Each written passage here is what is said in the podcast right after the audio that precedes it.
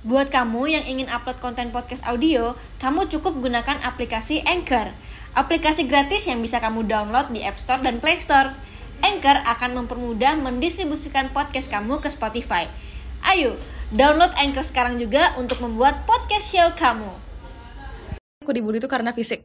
Karena dulu aku tuh tonggos, jelek. Jadi basically orang-orang kayak, oh dia jelek, don't play with her. Kamu pernah menyakiti diri sendiri? Yes. Dari pertama kali itu kelas 9 aku ngalamin sexual harassment di sekolah. Oke, selamat datang kembali di Grita Buka Praktek. Ini podcast yang kita selalu berusaha untuk memberikan sesuatu yang baru yang menginspirasi kalian dan juga memberikan motivasi kalian. Nah, hari ini uh, narasumber aku pastinya uh, akan memberikan cerita yang menurut aku wajib kalian dengar ya biar nggak terjadi sama orang juga hmm. dan juga mungkin yang melakukannya bisa tidak melakukannya lagi. Amin. Amin. Oke, jadi uh, Andrea ini adalah salah satu korban bully ya kalau aku Betul. nggak salah, bener ya? Iya. Di waktu dari kecil ya? Kecil. Oke, jadi sebenarnya kalau di sekolah itu memang banyak banget di sekolahku juga dulu.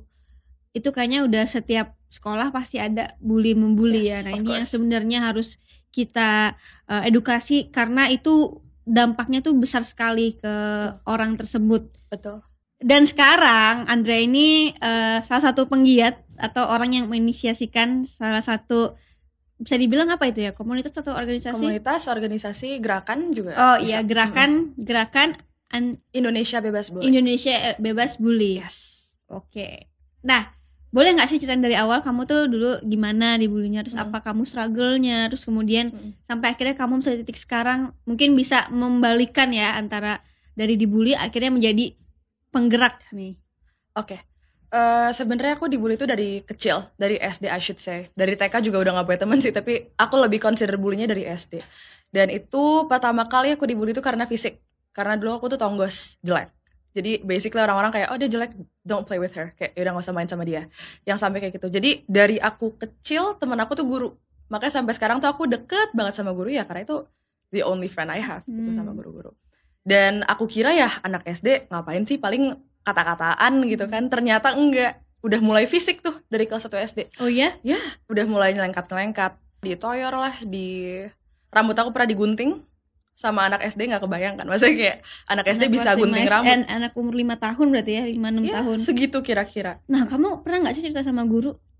Kan kamu akhirnya hmm, mendekat hmm, nih sama guru. Hmm, aku dulu nggak cerita sih. Tapi dulu pertama kali guru tahu tuh guru ngeliat hmm. aku dibully gitu. Karena aku juga nggak berani kayak gue siapa sih? gitu loh. Hmm. kayak ya nggak berani ngomong. Terus guru gimana? Begitu tahu kamu dibully? Akhirnya ya nolong aku gitu. Jadi bener-bener uh, berubah jadi tempat cerita aku. Bukan cuma sekedar aku apa ya sokap sokap doang sama guru tuh enggak bener-bener udah kayak ya namanya guru kan orang tua di sekolah hmm. ya aku bener-bener merasakan peran itu dari seorang guru. Untungnya ya. Untungnya alhamdulillah banget. Soalnya banyak juga ternyata ya ini yang aku tahu ya ada juga hmm. beberapa guru yang anaknya di anak muridnya dibully tapi mereka ya diem aja benar banyak gitu jadi banyak, aku kan? sangat merasa beruntung sih iya, itu. punya guru yang kayak gitu oke oh, oke okay, okay. nah uh, tapi guru ngelakuin apa misalkan apa dia memberhentikan pelakunya atau iya jadi uh, kalau di sekolah aku ya aku udah bener-bener melihat step-stepnya gitu loh sekolah hmm. aku untuk menghentikan gitu loh kalau terjadi bullying jadi kalau misalkan udah tahu nih dipanggil bener dipanggil ditanya kenapa hmm. kamu ngelakuin ini karena hmm. kalau menurut aku apa ya orang tuh melakukan sesuatu pasti ada reasonnya yeah. gitu kan entah emang dia for fun aja atau mungkin dia punya masalah mungkin akhirnya dia melampiaskan kita nggak pernah tahu jadi benar-benar diajak ngobrol dan akhirnya ya itu saling minta maaf jadinya gitu. oke okay. but wah dari kelas 1 SD ya yeah. itu itu yang seharusnya umur-umur di mana kita bisa punya banyak temen ya betul Seru aku nggak merasakan punya kayak a happy childhood tuh no gitu. Karena isinya begitu semua. Waduh. Terus udah gitu uh, tapi itu di kelas satu aja? Enggak terus. Terus? Padahal terus. udah di saling minta maaf masih. Gitu. masih nama anak-anak gitu kan. Tuh dulu fisik dulu tuh. Terus mulai verbal. Hmm. karena kan aku dulu tonggos gigi, hmm. gigi aku maju. Jadi katain lah bimoli bibir monyong 5 cm and stuff gitu. Yang sampai kayak gitu hmm. gitu. Dan itu terus berlanjut sampai know kelas 4, 5 nah kamu selama sorry aku mau hmm. nanya. Ya. nah selama uh, dibully itu kan ada nih beberapa yang dibully tuh dia diem aja hmm. tapi cuek. Diem aja okay. tapi uh, efeknya besar banget sebenarnya di mental dia. Tapi ada juga yang sebenarnya ngelawan. Mm-mm. ya kan? Mm. nah kamu yang mana? Aku diem. Diem apa ya? Diem tapi cuek sih. Tapi kadang kadang aku bisa cuek tapi kadang kalau emang udah too much aku yang bener-bener udah ekspresif lah nangis atau apa tuh kayak gitu tapi sebisa mungkin aku tahan. Aku nggak mau ngeliatin itu ke orang gitu. Mhm. kalau aku sih kayak gitu. Sampai sekarang sih ke bawah akhirnya kayak gitu. Ya jadi kan Mm-mm. itu karakter yang dibentuk oleh betul. lingkungan. Betul banget. Gitu. terus eh berjalannya waktu tetap dibully? Bully tapi makin gede lebih ke mental sekarang. Mental sama verbal lah. Fisik sih alhamdulillah udah berhenti. Udah berhenti setelah SD mulai itu dikata-katain. Masuk SMP aku kira ya udah naik jenjang nih. Harusnya mungkin agak lebih dewasa orang-orang gitu kan beda-beda orang nggak? Apanya? Orang-orangnya beda nggak SMP eh banyak yang sama sih. Oh, soalnya kan banyak aku sama. sa- sekolah di satu institusi yang sama. Aha, oh, jadi oke, oke. banyak yang uh, bal tetap di situ gitu. Mulai tuh uh, verbal mental di fitnah lah diejek lah dikambing hitamkan dalam masalah orang lah gitu. Entah Contohnya? kenapa. Contohnya? Contohnya kayak misalkan ada geng nih punya masalah nama aku yang dibawa gitu. Padahal nggak ada evidence apa-apa. Hmm. kayak gitu pokoknya sering kayak gitu. Dan aku juga mempertanyakan sih kayak kok gue lagi yang kena gitu gue aja nggak tahu masalah mereka apa tapi gue yang kena ya udah gitu jadi lebih ke verbal sama mental sih Oke, Mm-mm. oke. Tadi kan kita mau bi- berbicara dampak nih, dampak dari Oke. seseorang yang menjadi korban bully. Apa dampak yang eh, mungkin kamu bisa ceritain sama teman-teman? dampak dampak itu besar sekali pastinya aku tuh dulu anak yang ya riang yang ya basically anak-anak lah gitu tapi dari kecil itu aku udah terbiasa bohong sama diri sendiri. Aku nggak pernah nanya sama diri aku kayak lo sebenarnya oke nggak sih diginiin? Gitu. Bener-bener semuanya aku pendem dan yang awalnya aku terbuka banget sama orang aku jadi nggak berani gitu. Bahkan sampai sekarang kalau aku punya masalah aku bahkan nggak ngomong ke sahabat-sahabat aku tuh nggak gitu. Tergantung sikon aja gitu kalau aku mau gitu. Aku juga nggak menunjukkan kalau aku sedih kalau aku marah tuh aku nggak menunjukin gitu. Dan yang paling aku rasain tuh trust issues ya. Karena setiap orang yang aku percaya dulu dibaliknya ternyata nggak gitu Oh ya, akhirnya Kayak, sekarang trust hmm. issues aku tinggi banget sama orang kayak kamu punya teman terus kemudian teman kamu nusuk dari belakang gitu.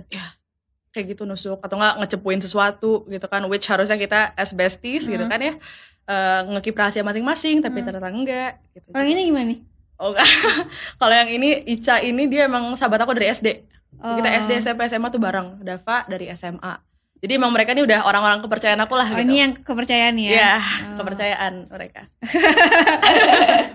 gitu Oke. dan aku juga sempat menarik tuh diri aku dari social life gitu Di- kadang aku mengisolasi diri sendiri. Iya, aku dulu aku inget banget kelas 2 SD aku sampai nggak masuk sekolah dua minggu seminggu atau dua minggu gitu ya karena dibully dan aku Hmm. bilangnya aku sakit gak enak badan dan stuff aku cari alasan aja sebenarnya karena itu takut Orang takut tua tahu nggak?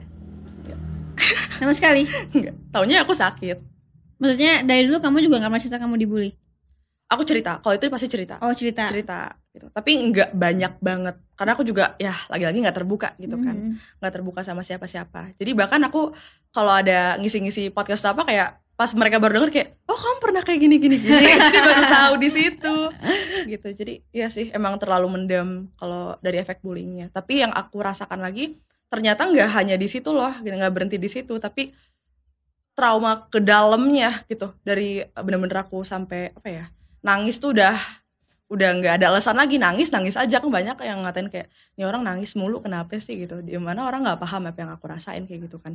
Mhm. dan aku juga ya itu aku selalu bohong sama diri aku sendiri. Aku nggak ngomong nggak jujur lah gitu loh. Sehingga ya berefek sampai aku sekarang sih. Bahkan sampai sekarang aku baru engah banget. Aku nangis aja nggak bersuara. Aku merasakan itu. Jadi eh, setelah aku tuh pernah baca jurnal psikologi ya bahwa ya itu kalau misalkan kita dari kecil nggak diberikan ruang banyak untuk berekspresi ya gedenya akan lebih kayak menyakiti diri sendiri ada kecenderungan ke situ yang aku tahu ya Kamu pernah menyakiti diri sendiri? Yes. Dari pertama kali itu kelas 9. Sampai hari ini aku masih struggling untuk kayak coping dengan itu. Aku waktu kelas 9, aku ngalamin sexual harassment di sekolah. Bers- eh, dengan orang yang I should say cukup populer dan powernya oke lah, powernya gede gitu kan. Di sekolah tersebut. Di sekolah, ya, di sekolah. Dan sebenarnya gimana ya? Orang ini populer, tapi aku tuh nggak punya issues sama dia.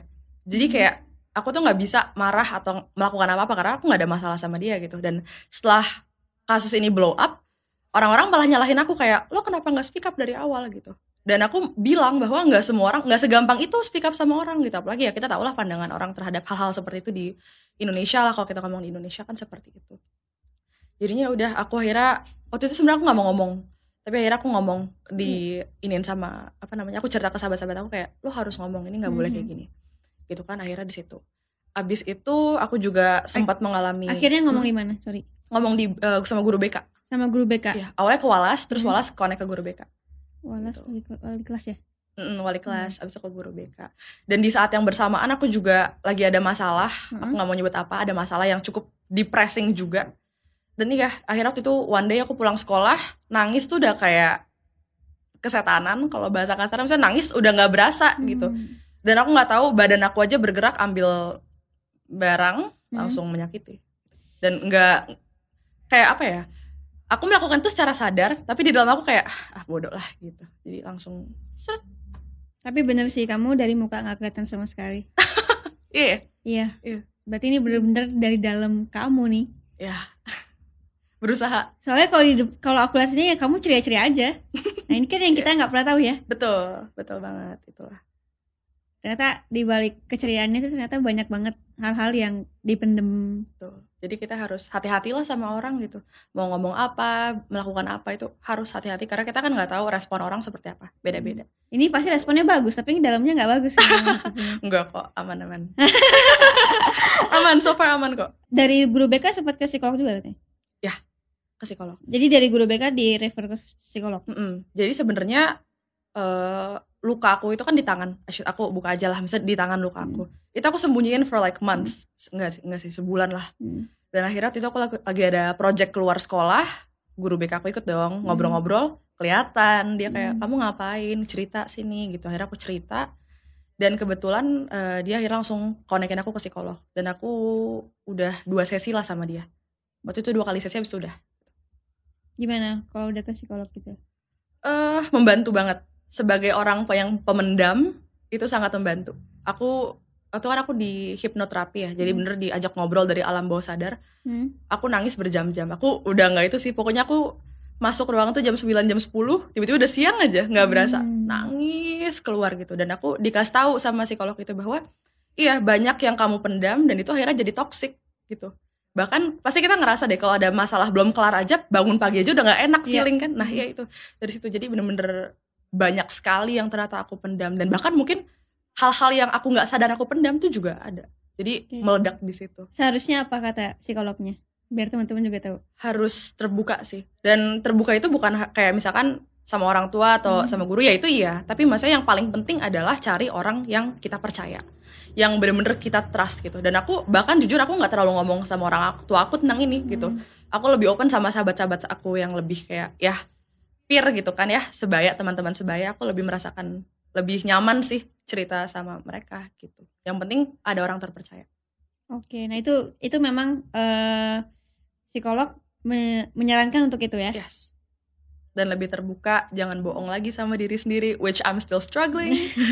susah, susah banget. Jadi nggak nggak apa lah, luka mental itu nggak cepet sembuh, nggak sama sekali. nggak. Lama banget lah. Wah banget. Tapi kamu udah memaafkan teman-teman kamu yang ngebully kamu. Udah, alhamdulillah, udah maafkan. Karena ya kalau nyimpen apa ya dendam atau apa tuh juga hidup nggak tenang gitu loh. Jadi Mhm. kayak ya udahlah gitu. It's in the past. Pernah Udah. pernah di saat di mana kamu ngerasa nggak mau maafin atau Pasti pernah. Lagi di titik atau terjatuh. kamu mau Mm. atau kamu mau bales? balas enggak tapi maafin tuh susah karena ya apa yang mereka lakukan yang ngebentuk aku sekarang apalagi kan aku dibully dari kecil which dari kecil tuh adalah ya pembentukan Pembentukan karakter, karakter. seseorang iya dan ketika di disrupt oleh hal-hal seperti itu ya jadilah personality yang berbeda gitu. Dan aku merasakan itu. Dan kadang aku kayak aku I wanna be the old me. Tapi kayak lo you're 17 lo udah mau kuliah lo udah mau ini kayak grow up gitu. Kayak gitu aja sih. Jadi ya pasti pernah lah yang kayak apa ya revenge sih alhamdulillah enggak tapi kayak susah aja maafin. Tapi sekarang udah oke lah. Kapan titik kamu memaafkan? titik hmm, titik balik aku tuh kelas 11 kelas 10 bener-bener detik aku sebelum ngebangun IBB Indonesia Best Food Kelas 10 ya? Iya. Barusan dong ya? Enggak sih, maksudnya kayak enggak semuanya, maksudnya kayak yang udah dari SD ya Hmm, udah iya. gitu. Tapi yang baru-baru tuh kayak udah maafin, it's in the past gitu.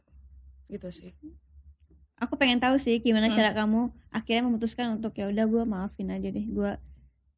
Hmm. Susah sih, soalnya kayak ya aku paham betul mereka pernah menyakiti aku, aku paham betul gitu. Tapi di satu sisi kayak ya udah orang tuh manusia tuh bisa berubah gitu. Tuhan kan memberikan setiap detik untuk kita untuk berubah menjadi yang lebih baik. Jadi Tuhan aja memaafkan masa kita enggak. Itu sih yang akhirnya kayak oke. Apa lepas semuanya, berdamai sama situasi, sama mereka, sama diri lo sendiri, udah Gimana setelah kamu akhirnya berdamai dengan mereka dan diri kamu sendiri? lega lega banget kayak kok apa plong aja gitu karena udah nggak ada pikiran langsung berkurang kan kayak ya udah mereka orang ya udah mereka aku anggap temen aja kayak ya udah temen gitu Tapi eh, masih sering dibully juga sampai sekarang. semenjak ngebangun IBB drastis perubahannya alhamdulillah Oh iya. Iya. Oke. Apa sih perbedaan respon kamu ketika Hmm. kamu dibully dulu Iya. sama dibully ketika kamu sudah memaafkan? oke kalau dulu pasti kalau yang anak-anak lah ya pasti langsung ke bawah dong kayak lo jelek lo ini apaan sih lo? Gitu kan Hmm. langsung ke bawah emosi langsung baper lah mungkin bahasanya kayak gitu kan gitu. Hmm. dan sekarang jauh banget kayak lo misalkan kayak ah, lo jelek lo ini kayak ya udah makasih udah gitu aja. Karena aku berpikir bahwa ya udah mereka itu apa ya mereka yang ngatain kita tuh udah di bawah kita. Kalau kita ikutan ya kita ketarik ke bawah sama mereka. Hmm. jangan sampai lo begitu Dre gue ngomong kayak aku ngomong kayak gitu ke diri aku sendiri. Akhirnya ya udah jadi kayak lo jelek lo ini lo ini makasih thank you. Selesai kayak beda banget kayak tentram aja gitu kayak kita dulu full of emosi gitu ya Mhm. emosi mulu ke bawah mulu sekarang kayak oke makasih udah Pernah nggak ada yang ada yang dulu ngatain ngatain lu jelek, Mm-mm. lu ini lu itu terus tiba-tiba berbalik. iya banyak banyak bahkan em, kan sekarang udah udah kelas 3 ya Mhm. bentar lagi berapa bulan lagi udah kuliah gitu banyak akhirnya yang dulu ngebully aku beberapa tuh ada yang sampai nge, nge aku kayak eh Dre gue minta maaf kalau dulu gue pernah kayak gini. Udah mau kuliah gue takut kenapa-napa takut karma takut ini takut Hmm. ini gitu. Gue minta maaf ya gitu. Banyak. Dan aku pun aku sama sekali nggak expect mereka kayak gitu kayak it's in the past. Udah udah nggak usah Hmm. gitu. Tapi kayak oke thank you gitu. Hmm. gitu sih. Jadi beda banget. Wow, gila. Tapi ya pastinya sekarang udah lebih baik lah ya dari sebelumnya. alhamdulillah ya. Dan akhirnya kamu memutuskan untuk menginisiasikan gerakan Indonesia, Indonesia Bebas bebas bully. Gimana tuh? itu aku bangun 3 Oktober 2020 karena gini aku merasakan bahwa kayak aku tuh punya pemikiran kayak bullying itu udah krisis bahkan oke kita sekarang lagi podcast di sini kita nggak tahu mungkin di sana ada yang di mana pun pasti ada yang lagi dibully di dunia ini gitu kan. Mau anak-anak remaja bahkan aku dengar orang kantoran pun ada gitu Iya. loh yang mengalami bullying gitu. Dan aku lihat awareness kita untuk memberhentikan tuh belum semasif itu. Kayak orang masih kayak ah itu bully cuma maki-makian doang it's it's not a big deal gitu kan. Kayak itulah dan aku sudah merasakan rasa disakiti seperti apa jadi aku pun ada berpikiran kayak ya udah ini stop di gue aja gitu. Jangan sampai orang lain merasakan hal ini juga karena aku udah paham disakiti tuh gak enak gitu. Jadi yuk kita berhenti gitu. Kita eh, suarakan karena kalau bukan kita ya siapa lagi gitu. Dan untuk menghadapi sebuah krisis ya kita harus treat the crisis as a crisis gitu. Aku mengquote dari Greta Thunberg dia ngomong kayak gitu dan aku setuju banget gitu. Kalau misalkan kita bergerak dengan masif cepat rame-rame itu kan akan lebih ef- efektif gitu ya Mhm. gitu dan akhirnya eh, aku ngebikin IBB itu mendirikan IBB tanpa paksaan tanpa apa kanan kiri nyuruh nyuruh apa enggak jadi pure dari diri aku sendiri waktu itu aku ngebikin lagi di mobil udah upload dah ayo kita launch sekarang juga langsung kayak Oh gitu. iya? iya Sama siapa waktu itu? aku lagi di mobil lagi sama papa sama ade lagi jalan-jalan Aha. aku kepikiran udah kepikir, udah udah berhari-hari kepikiran kayak duh soalnya udah aku kayak udah aku draft kan udah aku bikin desain segala macam buat sosmed kayak duh ini kapan gue keluarin ya kalau gue nggak berani berani gitu kan ya udah akhirnya keluarlah tanggal 3 Oktober aku launch gitu. Oke, 2020 ya pas Yes. mas ada COVID, pas Covid ya berarti ya. yes 3 Oktober Nah, apa sih yang dilakuin sama IBB? Oke, eh, kita kan sekarang ya lagi COVID ya. Ya. Jadi kebanyakan semua online sih. Kita upload materi-materi di Instagram karena orang kan mikir, oh bullying itu cuman maki-makian, kata-kataan. Hmm. It's so much more than that Hmm. gitu. Kita benar-benar kulik lagi bullying itu apa sih? Menurut ahli apa? Unsurnya apa? Jenisnya apa? Kenapa orang melakukan bullying? Kasus-kasusnya seperti apa itu kita gali semua kita uh, upload semua di Instagram kita aktif banget di situ itu kita juga ada uh, apa namanya program buat IGTV jadi ternyata banyak sekali komunitas seperti kita gitu yang iya setahu aku udah Hmm. banyak juga kan gerak Banyak yang banget. anti bully anti bully gini banyak bahkan uh, sama yang anti uh, yang bukan ngomongin bullying juga kita ajak gitu untuk Mhm. kayak yuk sharing perspektif Mhm. tentang bullying itu seperti apa itu kita ada kontennya kayak Mhm. gitu terus kita juga beberapa kali ngisi webinar Mhm. alhamdulillah ngisi webinar podcast dan segala macamnya kemudian kita juga punya program ruang bicara di mana di sini kita ngebuka space untuk teman-teman yang mau cerita atau apa gitu. I understand kita bukan kayak psychologist atau official law firm atau apa enggak. Tapi sebagai manusia lah human to human lah pasti setiap orang butuh pendengar. Dan mungkin banyak orang yang nggak mendapatkan itu. Mhm. jadi akhirnya kita menyediakan kayak yuk lo kalau mau cerita we're here for you. Iya. dan kita keep itu uh, private gitu. Tapi kan sebenarnya gini eh yang tadi aku bilang kan sebenarnya yang gerakan kayak gini udah banyak nih. Yes. Apa yang bedain kamu sama yang lain? Kalau aku merasa em, mungkin pertama aku kan di sekolah juga ikut organisasi ya. Dan selama ini aku ikut organisasi di bawah naungan institusi gitu. Mhm. dan aku akhirnya sempat berkepikiran kayak kenapa lo nggak bikin organisasi independen lo yang bikin lo yang inisiasikan lo yang gerakin. Karena kan di sini lah berdirinya IBB itu kan berdasarkan lat- latar belakang aku terutama ya kan? Sebagai found eh, sebagai penggiatnya pertama tuh aku. Dan iya sih jadi karena aku merasa beda karena ya ini dari aku gitu loh. Aku ikutan yang lain sih aku pasti aku pengen masa ikutan sama yang lain tapi it will be great it will be great kalau misalkan ada nih media untuk lo menyuarakan gitu. Jadi ya aku lebih pengen bikin yang independen dulu gitu tapi kalau ikutan sama yang lain sih aku mau gitu tapi kan sebenarnya banyak banget ya banyak banget, yang Banget. gitu dan juga eh, masih kurang juga nih awareness ke Ya. ke ini nah apa yang yang mungkin ke depannya kamu bakal yakin bahwa ini bisa bisa lebih masif lagi Oke. Eh, kalau menurut aku gini, salah satu kunci dalam kehidupan yang bener-bener harus didorong itu edukasi. Karena edukasi ilmu itu kunci dari segala permasalahan kehidupan. Karena gini, kalau kita paham akan sesuatu ya kita akan siap gitu. Ibarat kalau kita bawa mobil deh, kalau kita nggak belajar kita nggak akan berani nyetir sama gitu. Mhm. Dalam segala hal dalam kehidupan tuh kita harus seperti itu. Jadi ya itu kita galakan lagi, kita marakin lagi edukasinya orang-orang tuh harus paham gitu. Orang-orang harus paham bullying itu seperti apa kemudian juga reach people to people jadi bukan hanya kayak misalkan webinar nih orang yang nonton banyak gitu kan tapi benar-benar kita satu-satu kita reach. Kan kamu sebenarnya eh, kalau bisa ya korban bully kan? Ya. nah ada nggak sih orang-orang yang kayak komentar negatif "Ah, apaan banget sih lo bikin kayak gini? Ya. ngapain sih? Capek-capekin doang. Kan gak ada yang bayar. Iya betul. Banyak banyak yang kayak gitu. Bahkan orang ketika aku mendirikan IBB ada yang mikir aku revenge. Ada yang mikir aku revenge karena kan aku korban Hmm. Aku istilahnya fight back lah dengan ini gitu kan walaupun aku nggak ada niatan mau revenge nggak mereka ngiranya kayak oh nih orang songong nih mau ngelawan kita gitu kan mau sosokan keren dengan Hmm. membuat organisasi sebenarnya enggak gitu ini pure dari keresahan aku ya udah gitu. dan aku nggak mau orang lain merasakan lagi selesai Oke, kamu mau kuliah apa abis nih? Pengen Kuliah. jadi apa sih kamu? psikolog Pengen jadi psikolog. Ya. dulu sebenarnya aku nggak mau Jadi gara-gara ini Karena ini, juga iya. pengen jadi psikolog. Iya, dulu tuh sebenarnya aku ter sempat terpukul mundur tuh kayak, eh lu masuk mana? Mau jadi apa? Jadi psikolog.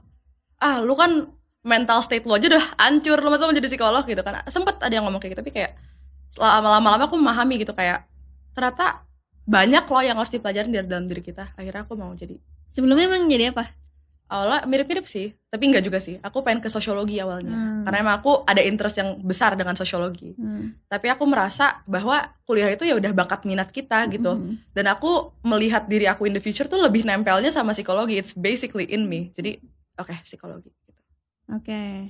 Mm-mm. Dan akhirnya berarti ini dong inline sama iya betul IBB dong. betul itu dan itu juga sih seru juga kalau misalkan aku masuk psikologi kan aku bisa mempelajari bullying lebih lanjut lagi bisa aku kaji lagi. Jadi bener-bener connected banget Oke, gitu. berarti eh, disimpulkan bahwa kamu dulu korban bully karena Tuhan mempersiapkan kamu ke depan lebih baik untuk meng- untuk mengurangi bullying.